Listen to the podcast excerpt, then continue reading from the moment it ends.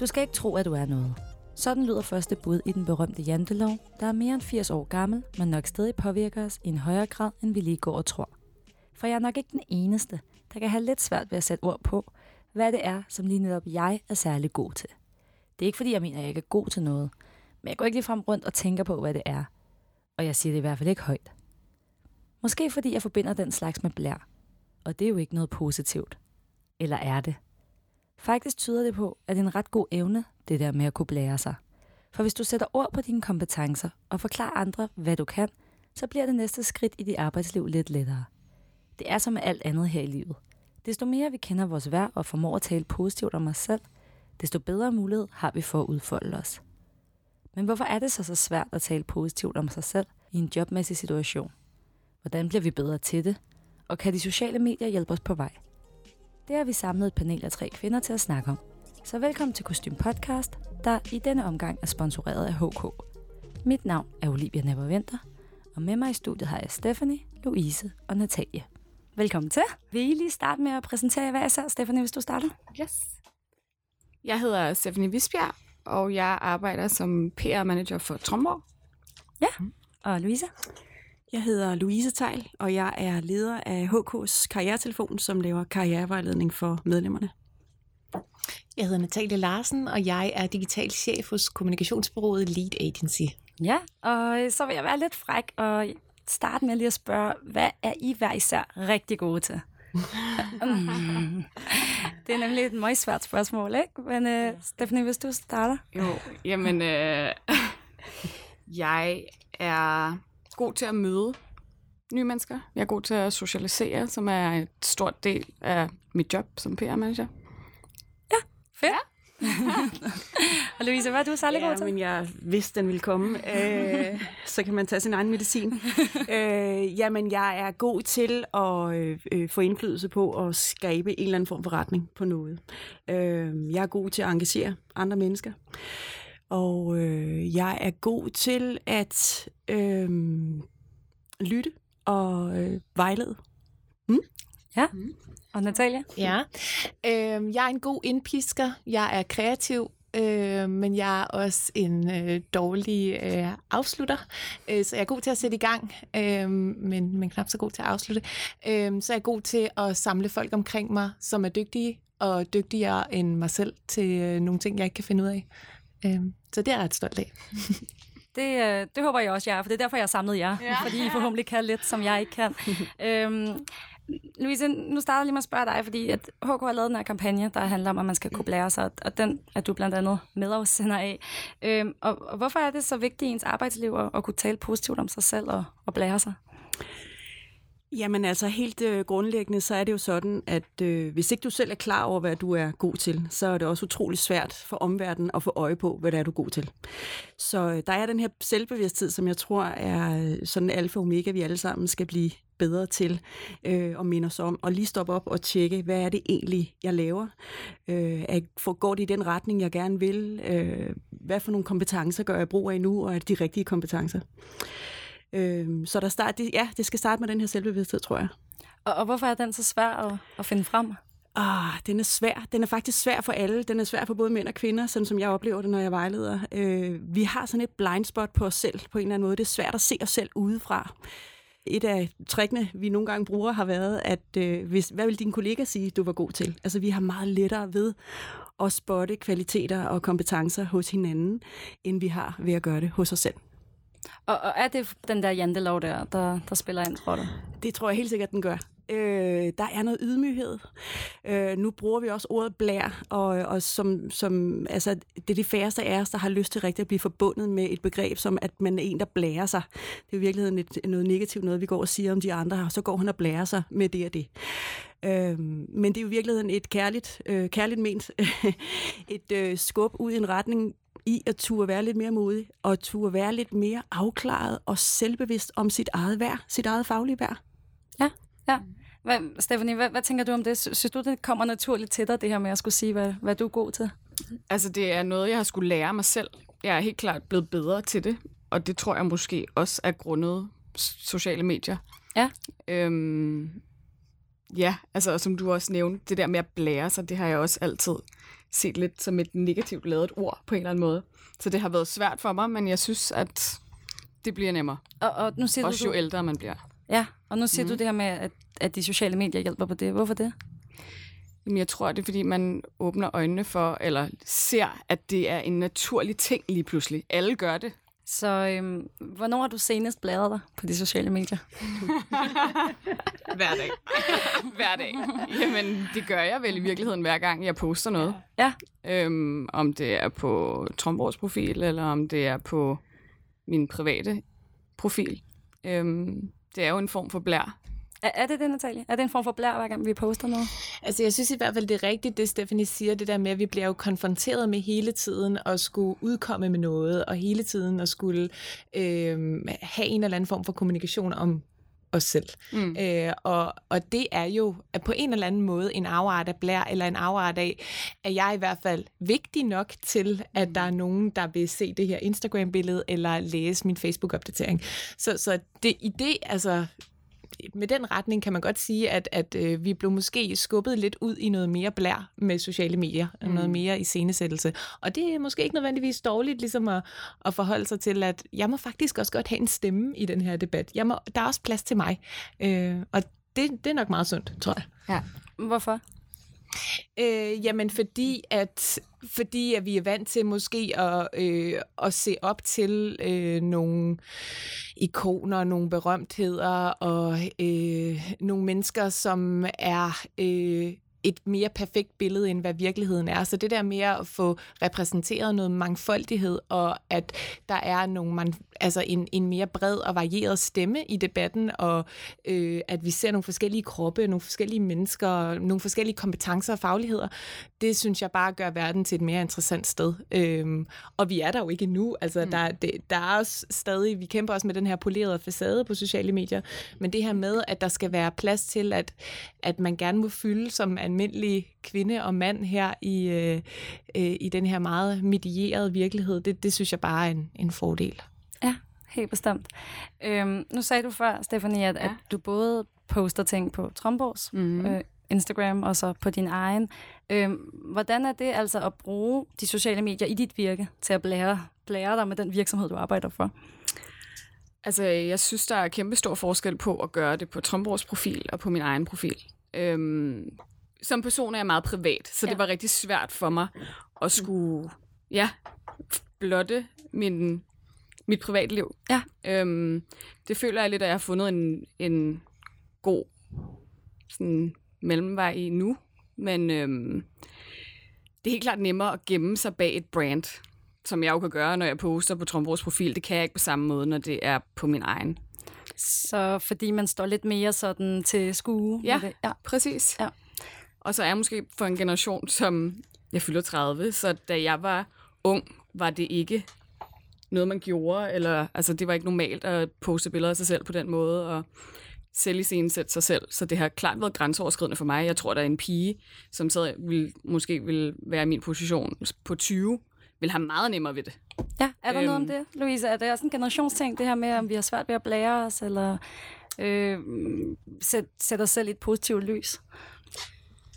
Altså, blæres generelt. Øh, ja, vi skal jo lade Natalie snakke om, hvordan vi blærer os i de sociale medier, men at blære os generelt, om der er noget, øh, om der er noget øh, generationsmæssigt der. Altså, der vil jeg faktisk næsten sige, det kan lidt være den anden vej rundt. Jeg oplever, at, øh, øh, at mennesker, øh, som har et, øh, oplever et større fagligt ro og ståsted, jo ældre de bliver. Øh, der kan også være en masse usikkerhed ved at blive ældre på arbejdsmarkedet, som handler om, at nu kommer en unge generation og skubber mig ud, øh, eller er jeg for gammel? Jeg har, øh, jeg kan tale med medlemmer, som fra de 45 øh, begynder at blive bekymret for, om de nu er for gamle til at søge et nyt job, øh, for gamle til at tage en efteruddannelse eller noget andet. Og så er der lang vej igen.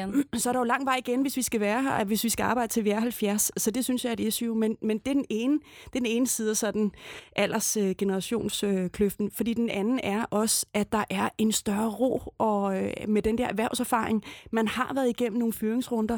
Man har været igennem at skulle søge nyt job. Man har været igennem et skift, at chefen blev skiftet ud, øh, og så stod jeg der og skulle håndtere det. Så man har noget erfaring og noget ballast, og man ved, hvad der virker. Man ved, hvad der ikke virker så, så jeg synes, der kan også være en anden ro øh, og en anden, øh, en anden afklarethed omkring den, den lidt ældre generation, som jeg synes, de skal trække frem som værende en, øh, en force og noget, de kan blære sig med.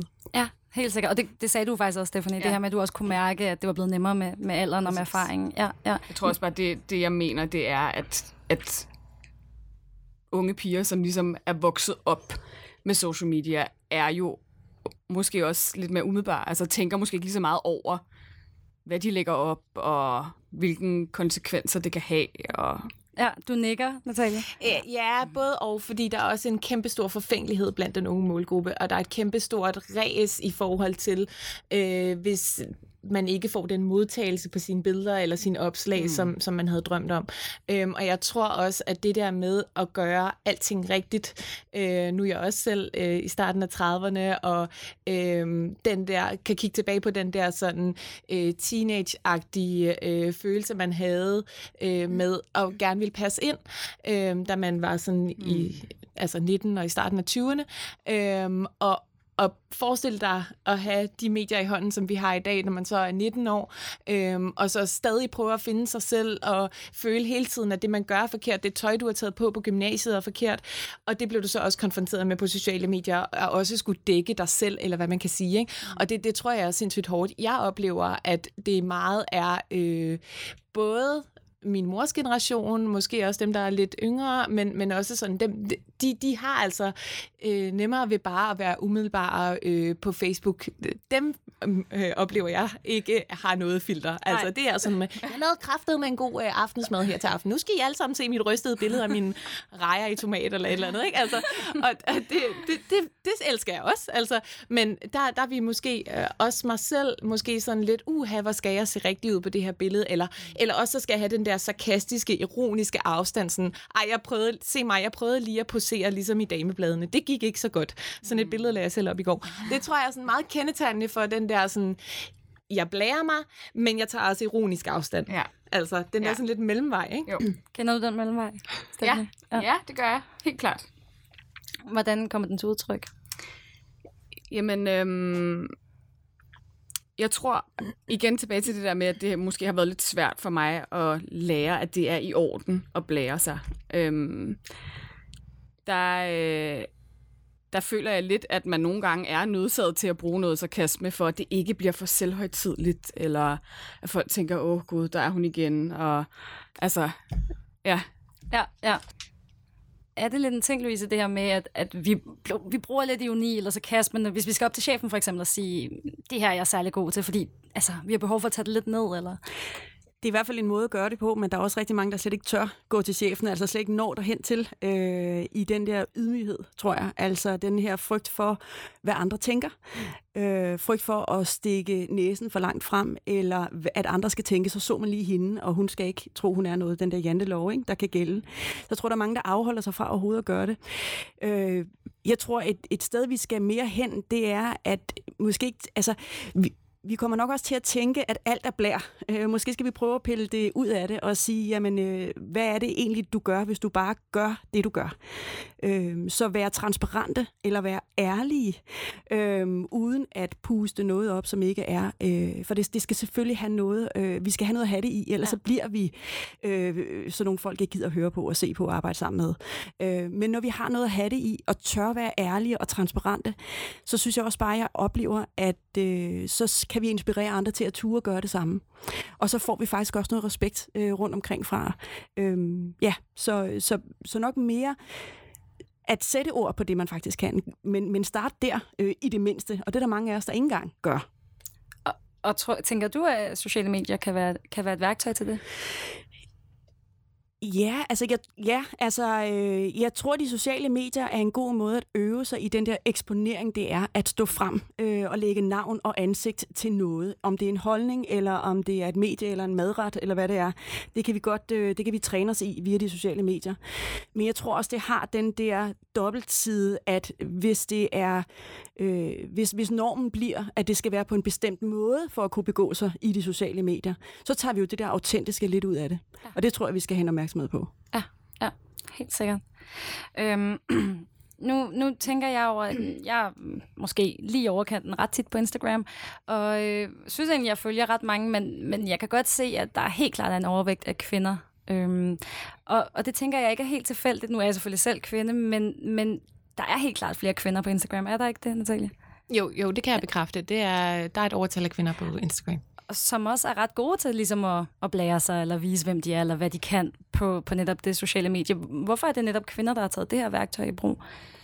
Øhm, jamen altså, Instagram er jo en visuel platform, og selvom der også er en del mænd derinde, så er det meget kvinder, der udkommer. Det er meget kvinder, som tager billeder og øh, skriver kommentarer osv. Mændene holder sig en lille smule mere i baggrunden, når det gælder Instagram. Jeg tror, det er fordi, at Instagram er et livsstilsmedie. Altså, øh, Instagram er jo som næsten som et godt gammeldags øh, modemagasin. Ikke? Altså, vi viser vores nyeste tøj frem, vi viser øh, de madretter frem, vi har lavet. Sådan meget typisk klichéfyldt, øh, og vi kan følge med i hinandens hverdag. Altså, øh, hvad går hun og laver lige i dag? Hvad laver mine nære venner, og hvad laver hende influenceren, jeg synes er interessant og spændende. Øh, så, så jeg tror, det er det der med, at vi har taget rigtig mange øh, ting, rigtig mange markører fra et modemagasin, eller fra et livsstilsmagasin, som vi alle sammen kan være med til at fylde ud. Altså, det er virkelig nogle tomme felter i det her magasin, vi kan være med til at, at skabe en mosaik øh, i forhold til vores eget liv på. Ikke? Altså, det, det er det, jeg tror, mediet kan. Ja, ja. Louise, du markerer. Ja, jeg markerer, fordi jeg kommer sådan lige til at tænke på, jeg er, er mor til, til to unge mennesker, to øh, unge teenager, og jeg synes, jeg kan se en, øh, en øh, forskel i måden, de bruger Instagram på. Hvor min søn, han bruger det som at dyrke sin interesse for musik, øh, så er det det, han deler, og der er de egentlig nogle, nogle, nogle drenge eller nogle gutter, som, som gør det sammen, øh, og det er sådan noget hiphop, øh, rapmusik og sådan noget. Og det er det, han bruger mediet til, øh, hvor det ikke er den der eksponering af sig selv, men det er dyrkelsen af interesse. Og så bliver jeg bare nysgerrig på Natalia. Er der noget af det, altså øh, hvis flere, øh, hvis der er flere kvinder på Instagram, end der er mænd, er det så også fordi, at mændene bruger det på en anden måde? Altså, øhm, jeg, jeg ved ikke, om man kan sådan en til en dele mediet op i sådan meget kønsspecifikt, men, men det er helt rigtigt det, du siger, det der med, at, at man bruger det også i høj grad til at dyrke en interesse eller et eller andet talent, man har, apropos det her med at blære sig. Altså, det kan godt være, at man er pissedygtig til keramik, eller til musik, eller til noget helt tredje, til at lave mad. Der er også rigtig mange grillprofiler, har jeg lagt mærke til. Det er virkelig en tendens, også hos mænd. Mm-hmm. Øhm, eller motorcyklen, der bliver pusset, eller cykler er også kæmpestore. Altså, sport er jo også mega stort på Instagram. Så, så der er helt klart også, hvis man sådan skal kigge sådan lidt firkantet kønsbinært på det, så er der helt sikkert også noget for mændene derinde.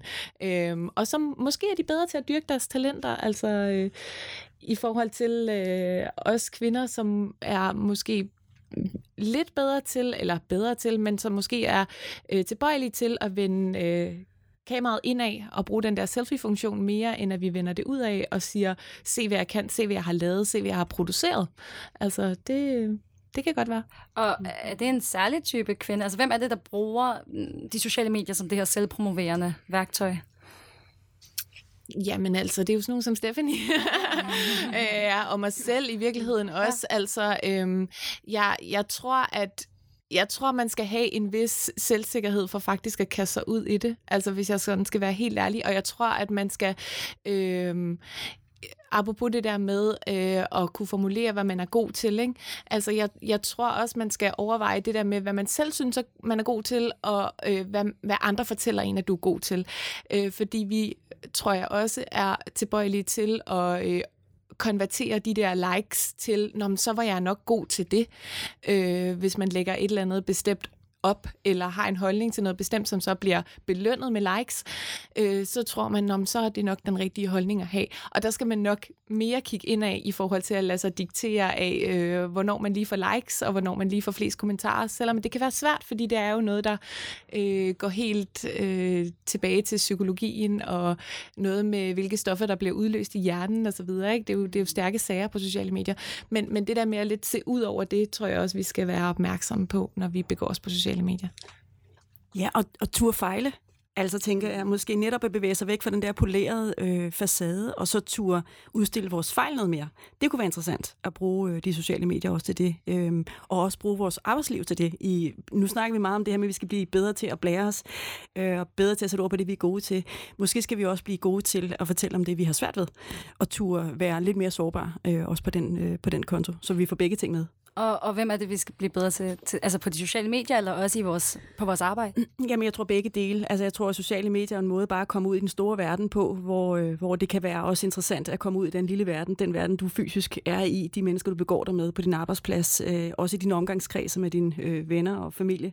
Hvad er, det for en, øh, hvad er det for en måde, du positionerer dig eller eksponerer dig på der? Øh, tør vi være sårbare over for hinanden på en arbejdsplads og erkende, når vi har lavet en fejl? Øh, så kan det også være, hvis det er legalt, så kan det også være, at det også er legalt at gå den anden vej og sige, hvad vi er også gode til. Så der kommer den der balance i tingene. Ja, ja. Stephanie, når du lægger noget op, øh, hvor meget lader du så de her likes og kommentarer, som Natalie hun, øh, hun nævner, sådan afgøre, om, om det, du har lagt op, er godt like? altså, selvfølgelig er det noget, man går op i, det er klart. Øhm, men jeg tror, jeg er så bevidst omkring, hvad jeg putter op. Og jeg føler mig selvsikker i alt, hvad jeg gør. Hvis jeg tvivler, så poster jeg det ikke. For så er der en grund til, at jeg er i tvivl. Så likesene i sig selv, selvfølgelig giver det en noget. Men det er ikke alt afgørende. Altså så længe jeg føler, at jeg kan stå på mål, og jeg kan stå ved de ting, jeg lægger op, så er det egentlig lidt irrelevant, om der er 100 eller 200 likes. Har du prøvet at lægge noget op, øh, hvor du tænkte, ah, den, det var en bummert, nu når Louise siger det men vi skal, vi skal blive okay til at erkende, at vi kan fejle? ja, ja, selvfølgelig har jeg det, men så har jeg også slettet det igen. Inden for mange noget at se det. ja, måske, ja. men, men burde vi lade være med at slette det, Louise? Altså burde det bare stå der med, sin, med de to likes, det har fået, og til skue for andre? Ja, så nu snakker vi sådan udelukkende de sociale medier. Jeg snakker jo sådan lidt mere virkelighedsnært, ja, ja, ja. kan man sige. Men, men i de sociale medier, det kunne være interessant at lade en fejl stå, og så i kommentarsporet lade, lad det vokse og fylde, og, og, og, og måske snakke om, hvad, hvad gør det ved mig, hvad har det gjort ved andre, at der er der er den her upolerethed. Jeg synes nogle gange, når man ser de der opslag, som er øhm, ret autentiske, også af dem, der, der, altså dem, der har en vis sårbarhed, eller har en vis øh, ærlighed, øh, også af det, der har en, den største troværdighed. Øh, det er i hvert fald min egen oplevelse af det, når man sådan øh, scroller hen over de sociale medier, at den der polerethed er også ved at, at gå lidt ud af det, men det kan være, at Natalie ved meget mere om det, end, øh, end jeg gør, øh, at det bliver lidt mere varieret, som du snakkede om, at der er også plads til stemmen fra en helt almindelig øh, borger i det her samfund. Ikke? Mm. Men samtidig siger du, at det kræver en vis portion selvtillid overhovedet at kaste sig ud i det. Så, så er der plads til den, den stemme? Altså det skal der være, men, men øh, sociale medier er jo øh, forholdsvis nye medier stadig. Øh, og det betyder, at øh, der jo stadig er masser af modning at gøre sig på de her platforme, og øh, masser af udvikling. Altså, så jeg håber der, og jeg ser også, som Louise siger, øh, en bevægelse hen mod, at vi kan meget mere med de her platforme platformer. Vi også godt må vise os usminket. Vi må også godt vise, når vi øh, har begået en fejl og trådt forkert. Og øh, øh, vi kan også godt sige undskyld på de her platforme, og vi kan også godt sige, hold kæft, jeg har haft en dårlig dag. Øh, og sådan her er der også nogle dage, der ser ud. Altså, øh, og det ser jeg mere og mere, heldigvis. Øh, fordi hvis vi kun ser den ene side af medaljen, ikke, så, øh, ja, så bliver det bare kedeligt. Ja, ja. Men for lige at vende tilbage til det her med, vi snakkede lige før om det her med kvinder og, og med mænd. At, ja. Er det også sådan, at de sociale medier faktisk har givet kvinder som Stephanie, kvinder som dig selv, altså et, et nyt værktøj til at, til at promovere sig selv, og altså en form for CV? Ja, 100 procent. Ja. Altså det, og det er, jo, øh, det er jo et ekstra netværk, kan man sige, eller et, et, et digitalt netværk, som du kan fylde ovenpå øh, det netværk, du har øh, fysisk, øh, der når du går til gå hjem med arrangementer og hvad der ellers er. Altså så, så er der også en mulighed for hele tiden at møde nye mennesker på sociale medier. Det har jeg selv brugt øh, sociale medier i stor stil til. Altså ligesom kigget på det her med, hvem er det, jeg gerne vil være, når jeg bliver stor i gåseøjne, ikke? Og øh, hvem synes jeg er seje, øh, øh, hvem gad jeg godt at snakke med, og så simpelthen indlede dialogen øh, på, på sociale medier, og så måske være heldig at møde vedkommende i virkeligheden, og så øh, kunne referere til en samtale, man har haft digitalt. Så har man den der icebreaker øh, til den, man håber bliver en chef i fremtiden, eller hvad det nu kunne være. Ikke? Så, så der har det virkelig været et værktøj for mig til at ture noget mere. Har, har du også oplevet det, Stephanie? Altså den der bro mellem det digitale og, og det analoge? Helt klart. Ja. Helt klart. Hvilke sammenhæng? Jamen, øhm, altså for mit vedkommende tror jeg også, at jeg sælger makeup og hudpleje, ja. så øh, jeg bruger jo mig selv rigtig meget, Ja. og øhm, jeg kan se, at folk tapper ind og kan faktisk bedst lide det der lidt perfekte univers, som jeg viser på min Instagram, fordi jeg netop sælger makeup og hudpleje. Øhm, hvad hedder det? Men det er jo også en, en ret fantastisk måde at kunne være i dialog dagligt med slutforbrugeren. Det kan være influencers, det kan være presse, det kan være venner, det kan være familie. Altså, Jeg vil bare høre dig, Stephanie, fordi Ja. ja. jeg bliver sådan nysgerrig på, er der ikke Ja. ja. nogen, du har mødt, for eksempel, som du møder i dit kommentarfelt, som du så også øh, har en kontakt med i virkeligheden, eller som gerne vil have dit job, eller spørger efter et råd, eller sådan noget? Fordi jo. du har i virkeligheden et, et drømmejob på mange måder, ikke? Altså, helt vildt. Mm, Altså, det oplever jeg rigtig meget. så der Helt er jo også klart. en bro der, faktisk, ja. mellem dine følgere og så fundet karrierevejledning ja. hos dig nærmest. Ja, ja, præcis. Og jeg tror også, at jeg kan se, at folk interagerer også mere på min private profil, end de gør på, på Tromborgs profil, fordi der er en person bag her. Altså ikke Ja. ja. bare en virksomhedsprofil. Nej, præcis. præcis. Og, og har du oplevet det her med, folk spørger, hvordan har du fået dit job? Der er rigtig mange, der Ja. skriver til mig. Ja. Øh, hvilken uddannelse har du taget? Hvordan er du kommet ind der? Jeg vil have dit job. Jeg vil, ja, jeg vil gerne være dig. Konkurrence. Præcis, spidse albuer. Ej. Ej, ja. Så kan det være en form for karrierevejledning, simpelthen, at, at vi sådan kan sidde på vores privatprofiler og, og hjælpe hinanden på vej, eller mm, rådgive hinanden? Øh, ja, det kan det sagtens. Jeg tror, at det er en god idé, hvis man søger et nyt job, øh, at finde de her øh, rollemodeller, der hvor man godt kunne tænke sig at komme hen, og så prøve at nærme sig det på en eller anden måde. Om det vil jeg gøre, ligesom øh, Natalie fortæller om her, hvor at hun øh, faktisk tager noget dialog øh, startende på de sociale medier med en, som man faktisk ikke kender. Så det der med at turde række ud efter nogle øh, forbilleder, eller nogen, der sidder i nogle positioner eller jobfunktioner, det man bare skal huske på, det er, at de kan jo ikke skaffe en et job. Vi kan godt komme til at gå sådan lidt øh, tiggergang, øh, sådan dårdyrvejen, og sige, ah, men jeg vil så gerne, og kan du hjælpe mig, og kan du ikke lige se til, hvis der bliver slået en stilling op? Og den måde at bruge sit netværk på, det er sådan fuldstændig no-go i mine øjne. Øh, men det, man jo kan bruge en Stephanie til, eller en Natalie til, det er måske at få noget information og noget viden. Mm. Og så skal man huske, altså man må gerne spørge ind til deres jobs, man må gerne spørge ind til, hvad skal man være god til for at kunne det, som du kan, og hvordan var din vej dertil? Og det øh, har vi en tendens til, det vil vi gerne dele med hinanden. På den måde kan vi godt være lidt mentorer og mentees for hinanden, det vil vi gerne. Mm. Øh, men vi skal passe på, at vi ikke sådan suger for meget på lappen. Altså, at vi ikke bliver for ilende i vores øh, tilgang og suger alt blodet ud af en Stephanie, fordi så bliver hun træt, hvis hun skal bruge tid på det øh, 200 gange om dagen. Ikke? Øh, ja. Jeg tror også, det er vigtigt, at man er meget specifik. Altså, det oplever jeg også, når jeg får henvendelser, at jeg kan hjælpe, hvis jeg skal hjælpe nogle andre i med at, at præsentere dem for mit, mit netværk, eller sådan, hvis jeg skal linke nogen videre øh, fra mit netværk, så, så har jeg brug for, at de er meget specifikke og konkrete, eller siger sådan, kender du en, mm. som er i denne her afdeling hos det her medie, fordi jeg kan lige præcis det her, og jeg vil bare passe perfekt til det her job. Altså, jo, jo mere specifik og konkret man kan være i sin henvendelse, desto nemmere er det for mig som modtager af den der henvendelse at hjælpe dig videre. Øhm, jeg vil rigtig gerne hjælpe videre, men som Louise siger, jeg har ikke altid lige et, job på hånden, men hvis vedkommende selv har gjort sit forarbejde, så... Og der er vi netop tilbage til, Louise, de... Men fuldstændig. Ja, for det handler jo netop om det her med at. Ja. at kunne sådan helt specifikt sige, Ja. Ja. og det handler både om at kende dit eget værd, altså hvad er dit ståsted lige nu, og hvad er det, du mangler, hvor vil du gerne hen, og være ret specifik. Og jeg ser det jo rigtig, rigtig ofte også med folk, der henvender sig og gerne vil søge uopfordret ind øh, forskellige steder. Og der skal man altså bare vide, 80 procent af din øh, jobansøgning et uopfordret sted, det er altså research. Det er research, det handler om, hvad er det for en afdeling, du gerne vil ind i, hvad er det for en titel, du gerne vil, øh, øh, du gerne vil byde ind på, hvad er det for nogle opgaver og udfordringer, du kan hjælpe den her virksomhed med at få, med at få løst. Så vi skal væk fra det der øh, spiseseddel, øh, jeg står her og kan det her, øh, og så helt over i at sige, hvad er det, du kommer med til, til en virksomhed. Og det skal du altså også, når du hiver ud efter dit netværk, og hiver ud efter nogle folk, som, øh, som skal hjælpe dig videre. Vær mega konkret og specifik omkring, hvad er det, øh, hvad er det, hvad er det du skal bruge den henvendelse til. Øh, sådan så den, der sender dig videre, giver jo også noget af sit eget image videre. Så det er utrolig vigtigt, at man ikke har sendt øh, en afsted, som, øh, som ender med at skabe et lidt, Nå, men jeg, Natalia har sagt, at jeg godt må ringe til dig. Og så, og så man skal være klog og kvik øh, og sød i sin henvendelse. Klog og kvik og sød. Ja. ja det, det kvadratisk praktisk ord. Ja, nej, men altså klog, klog og kvik og sød, det handler om at kunne stille nogle gode, øh, konstruktive, interessante spørgsmål til den, man gerne vil i kontakt med. Det handler om at gøre det på en venlig måde. Øh, og så handler det om at, at, være, at være lidt troværdig i din henvendelse, så det ikke er sådan noget øh, useriøst noget, fordi det kan jo smitte af på en Natalia og på en Stephanie. Mm. Dengang du fik dit job, Stephanie, hvad, kom du så frem og sagde, hvad netop du kunne gøre, eller hvad dine kompetencer var, og hvordan de kunne bruge dem, eller hvordan, hvordan var du lavet med det?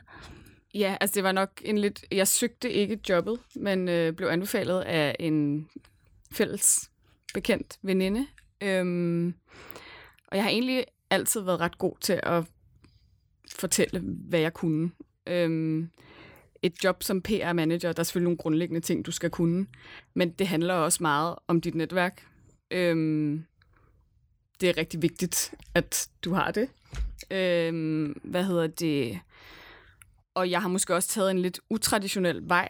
Jeg kom ud på arbejdsmarkedet øhm, lige efter jeg blev student, og der gik rigtig mange år, hvor jeg arbejdede på PR-byråer og ligesom lærte branchen at kende, hvor at de fleste af mine venner, de gik en lidt mere traditionel vej og søgte en uddannelse.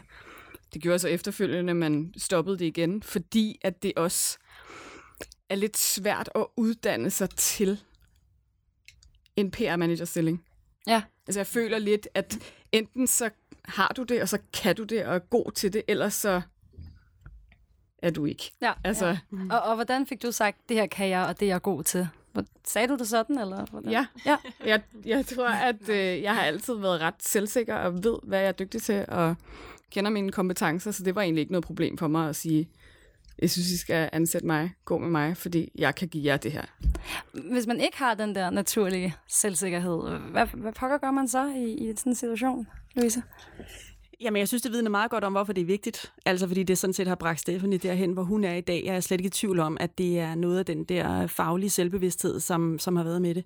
Øh, hvis ikke man er god til det, så øh, kan man øve sig i det. Og alt, hvad vi øver, det bliver vi bare bedre til. Så man kan i hvert fald starte med at sætte sig ned og få et overblik over, hvad man egentlig laver af opgaver i løbet af en uge. Og ud fra det begynde at skrive, hvad er det så for nogle kompetencer, jeg bruger for at kunne udføre det job. Øh, så er man i hvert fald i gang med at få en eller anden form for overblik. Øh, når vi prøver at tænke os til det, så kan vi tænke os til sådan to-tre kompetencer, og så går vi ligesom død i den der dialog med os selv. Jeg tror, øh, det, det kræver sådan lidt, lidt grænsning og lidt indarbejde og lidt research at gå i gang med at lave den her kortlægning af ens kompetencer. Men det er et sindssygt godt værktøj, både i din jobsøgning og øh, også bare i det, vi kalder opgaveudvikling, altså at udvikle sig i det job, man er i. Øh, er det den rigtige opgave? Er det de rigtige ting, der ligger på min tallerken, eller er der noget andet, jeg skal rave til mig, og noget, jeg skal have skubbet lidt ud? Er der nogen af jer, der har prøvet at være i sådan en jobudviklingssituation? Altså, jeg har, jeg har da prøvet en situation, hvor at jeg, øh, jeg synes selv, at jeg øh, skulle forfremmes. øhm, og jeg skulle argumentere for det, øh, og, og ja, vise mit værd og fortælle hvorfor, og skulle have en lønforholdelse. Altså, ja. øh, det har jeg da prøvet, og det var da også nervepirrende. Øh, og for sådan at skabe lidt ild under min egen stol, så havde jeg faktisk min øh, opsigelse med i lommen. Øh, fordi at jeg var så sikker på, at det her, det er jeg værd. Øh, og jeg er har noget attraktivt øh, nogle attraktive kompetencer, og jeg er attraktiv i det marked, jeg er i lige nu, med mine sociale mediekompetencer og, og digital faglighed, som jeg har. Øhm, så, så jeg var bange for at skulle gøre det, men jeg havde også besluttet mig for, at det er jeg klar til, fordi at det er jeg simpelthen værd. Hvordan gik det så? Det gik godt. Jeg blev, øh, jeg blev forfremmet, og jeg fik også lønforhold. øh, men det er ikke der, hvor jeg er nu. Altså, så et eller andet øh, gik ikke hurtigt nok for mig, det sted, hvor jeg var før. Øh, og, og det gør det så det sted, hvor jeg er nu. Så på en eller anden måde er det jo også et udtryk for, når man hvis tingene ikke lige følger den karrierevej, du tænker, der er for dig, så skal man måske også kigge sig om efter noget andet. Øh, og, ja. og må jeg bare lige nuancere det der karrierebegreb og sige, at karriere er jo ikke det er jo ikke altid den vej, som Natalia har valgt, hvor det handler om mere løn eller en forfremmelse. Det kan også være et skridt til siden, eller et skridt over i en anden branche eller noget andet. Bare det er en eller anden form for bevidst valg.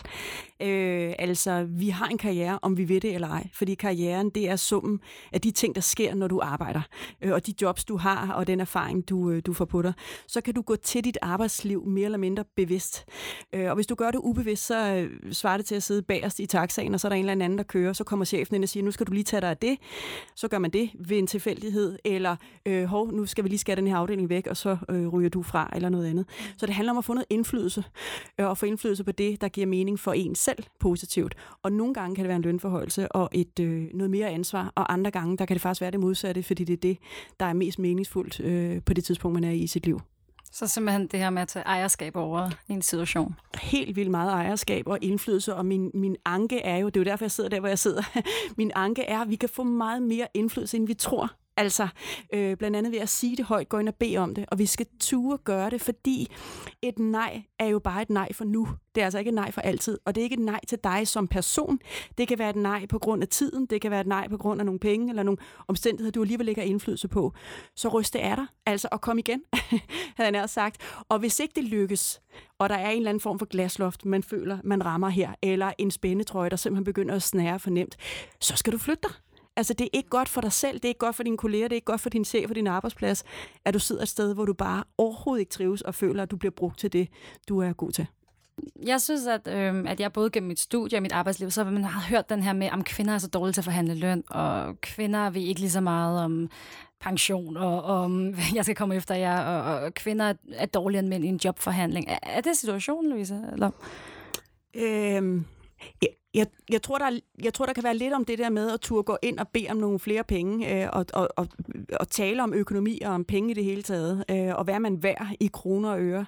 Og igen, jeg tror, man må starte den med, hvad man værd fagligt, og så må de der kroner og øre komme på. Og igen, man kan altså øve sig. Prøv lige at sige det højt. Altså et eller andet beløb, du gerne vil tjene mere om måneden. Bare at få ordene ud af munden, kan, kan faktisk være med til at, at afmystificere det en lille smule det der med at turde sætte barn lidt højt, og så videre, så kan man tage lidt af, eller, eller noget andet, som mod til bare at sige tallet, og tænke, at det er tal, altså det er penge.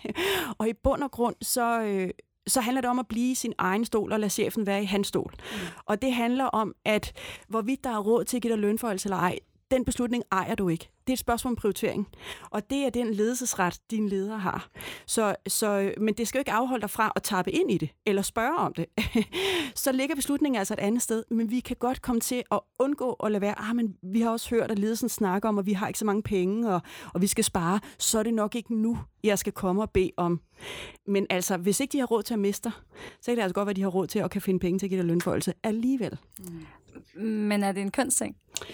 er det en kønsting? Den tager, prøvede jeg at tale mig udenom. øh, altså, jeg tror, jeg tror lidt, at jeg tror noget i den der ydmyghed. Jeg havde faktisk en ret interessant samtale med en karrierekvinde i mit eget netværk omkring det her med, øh, hvornår vi, øh, hvor meget værd vi er. Øh, og, og hun havde en meget fin pointe, som jeg faktisk, øh, som gav meget god mening for mig, som handler om, at når vi kvinder har gjort vores job, sagde hun sådan, når, når jeg er gået på arbejde og gjort mit job, og, og alt sidder i skabet og er perfekt, og det er gjort til tiden og alt muligt andet, så er det ikke, så er det ikke ekstraordinært. Altså, så er det ikke mere værd, fordi det er jo bare det, jeg er ansat til. Så hun havde en pointe omkring, måske sætter jeg barn højt for mig selv som kvinde, mm. og måske højere end mændene. Så når, altså, det er sjældent, at hun sidder med den der følelse af, der sad den lige i skabet. Der scorede jeg virkelig et giga fedt mål, og det skal I bare vide øh, på hele arbejdspladsen. Fordi jeg har sådan set bare gjort det, jeg føler, at jeg var ansat til. Så hvornår er det mere værd, også i kroner og øre i løn? Det ved jeg ikke. Og hvis man går med den, altså at barn er høj fra starten af, og man har kæmpe store forventninger til sig selv, øh, er man så, altså, hvordan kan man så gå ind og bede om flere penge for det, man jo bare gør? Sætter I, sætter I barn højt? Helt bestemt. Ja. ja, helt klart. Altså det, jeg skulle til at supplere Louise med, det er også det der med, at så skal vi måske bare være bedre til at løfte hinanden som kvinder, Præcis. ikke? Altså den der, yeah. det der klassiske motto. Yeah. Men alligevel det der med at huske, når der er nogle andre, der har nogle sejre, ja. og så sige, prøv at kigge på Trine, hun gør det fandme godt, eller ja. prøv at kigge på Karoline, eller sådan, og ikke altid pege på sig selv, fordi det er også sådan, så kan man måske håbe på, at der på et tidspunkt kommer noget blær tilbage til en, hvis man giver noget blær ud, eller hvad man nu kan sige. Øhm, så det kunne også være en opfordring, men nu øh, det var ja. lidt afsporende for dit spørgsmål. men, men, et, men en rimelig ja. god supplement til... ja, men, men, men du sagde helt bestemt til det her med godt at kende til at sætte bæren ret højt. Sætte bæren højt, og ja. nogle gange øh, lidt glemme og nyde succesen, eller ligesom, ja.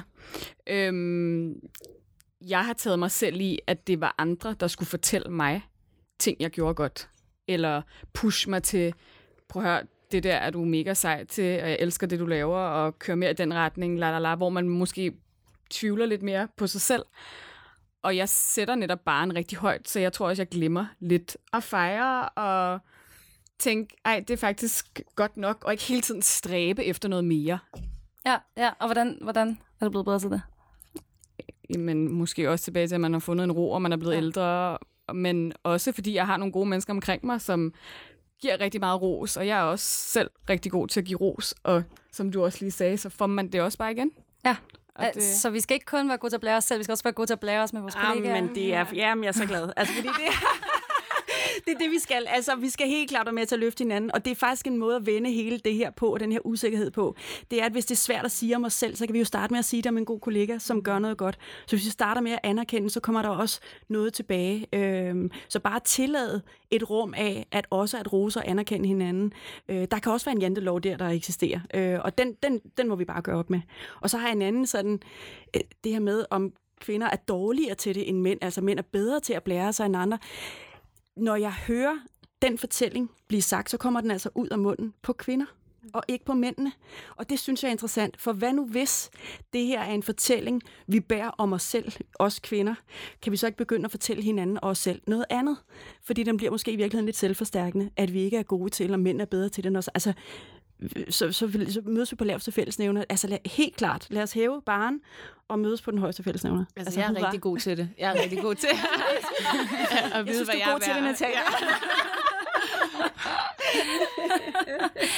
lad, os, lad os stoppe der, altså. Alle er rigtig gode til det, de laver. I var i hvert fald rigtig gode til at komme ind og give lidt råd og vejledning og mm. kloge ord på det her med, uh, ja, faktisk bare at blære sig lidt øh, og hvorfor det er så vigtigt, og også hvordan de sociale medier måske kan hjælpe os på vej.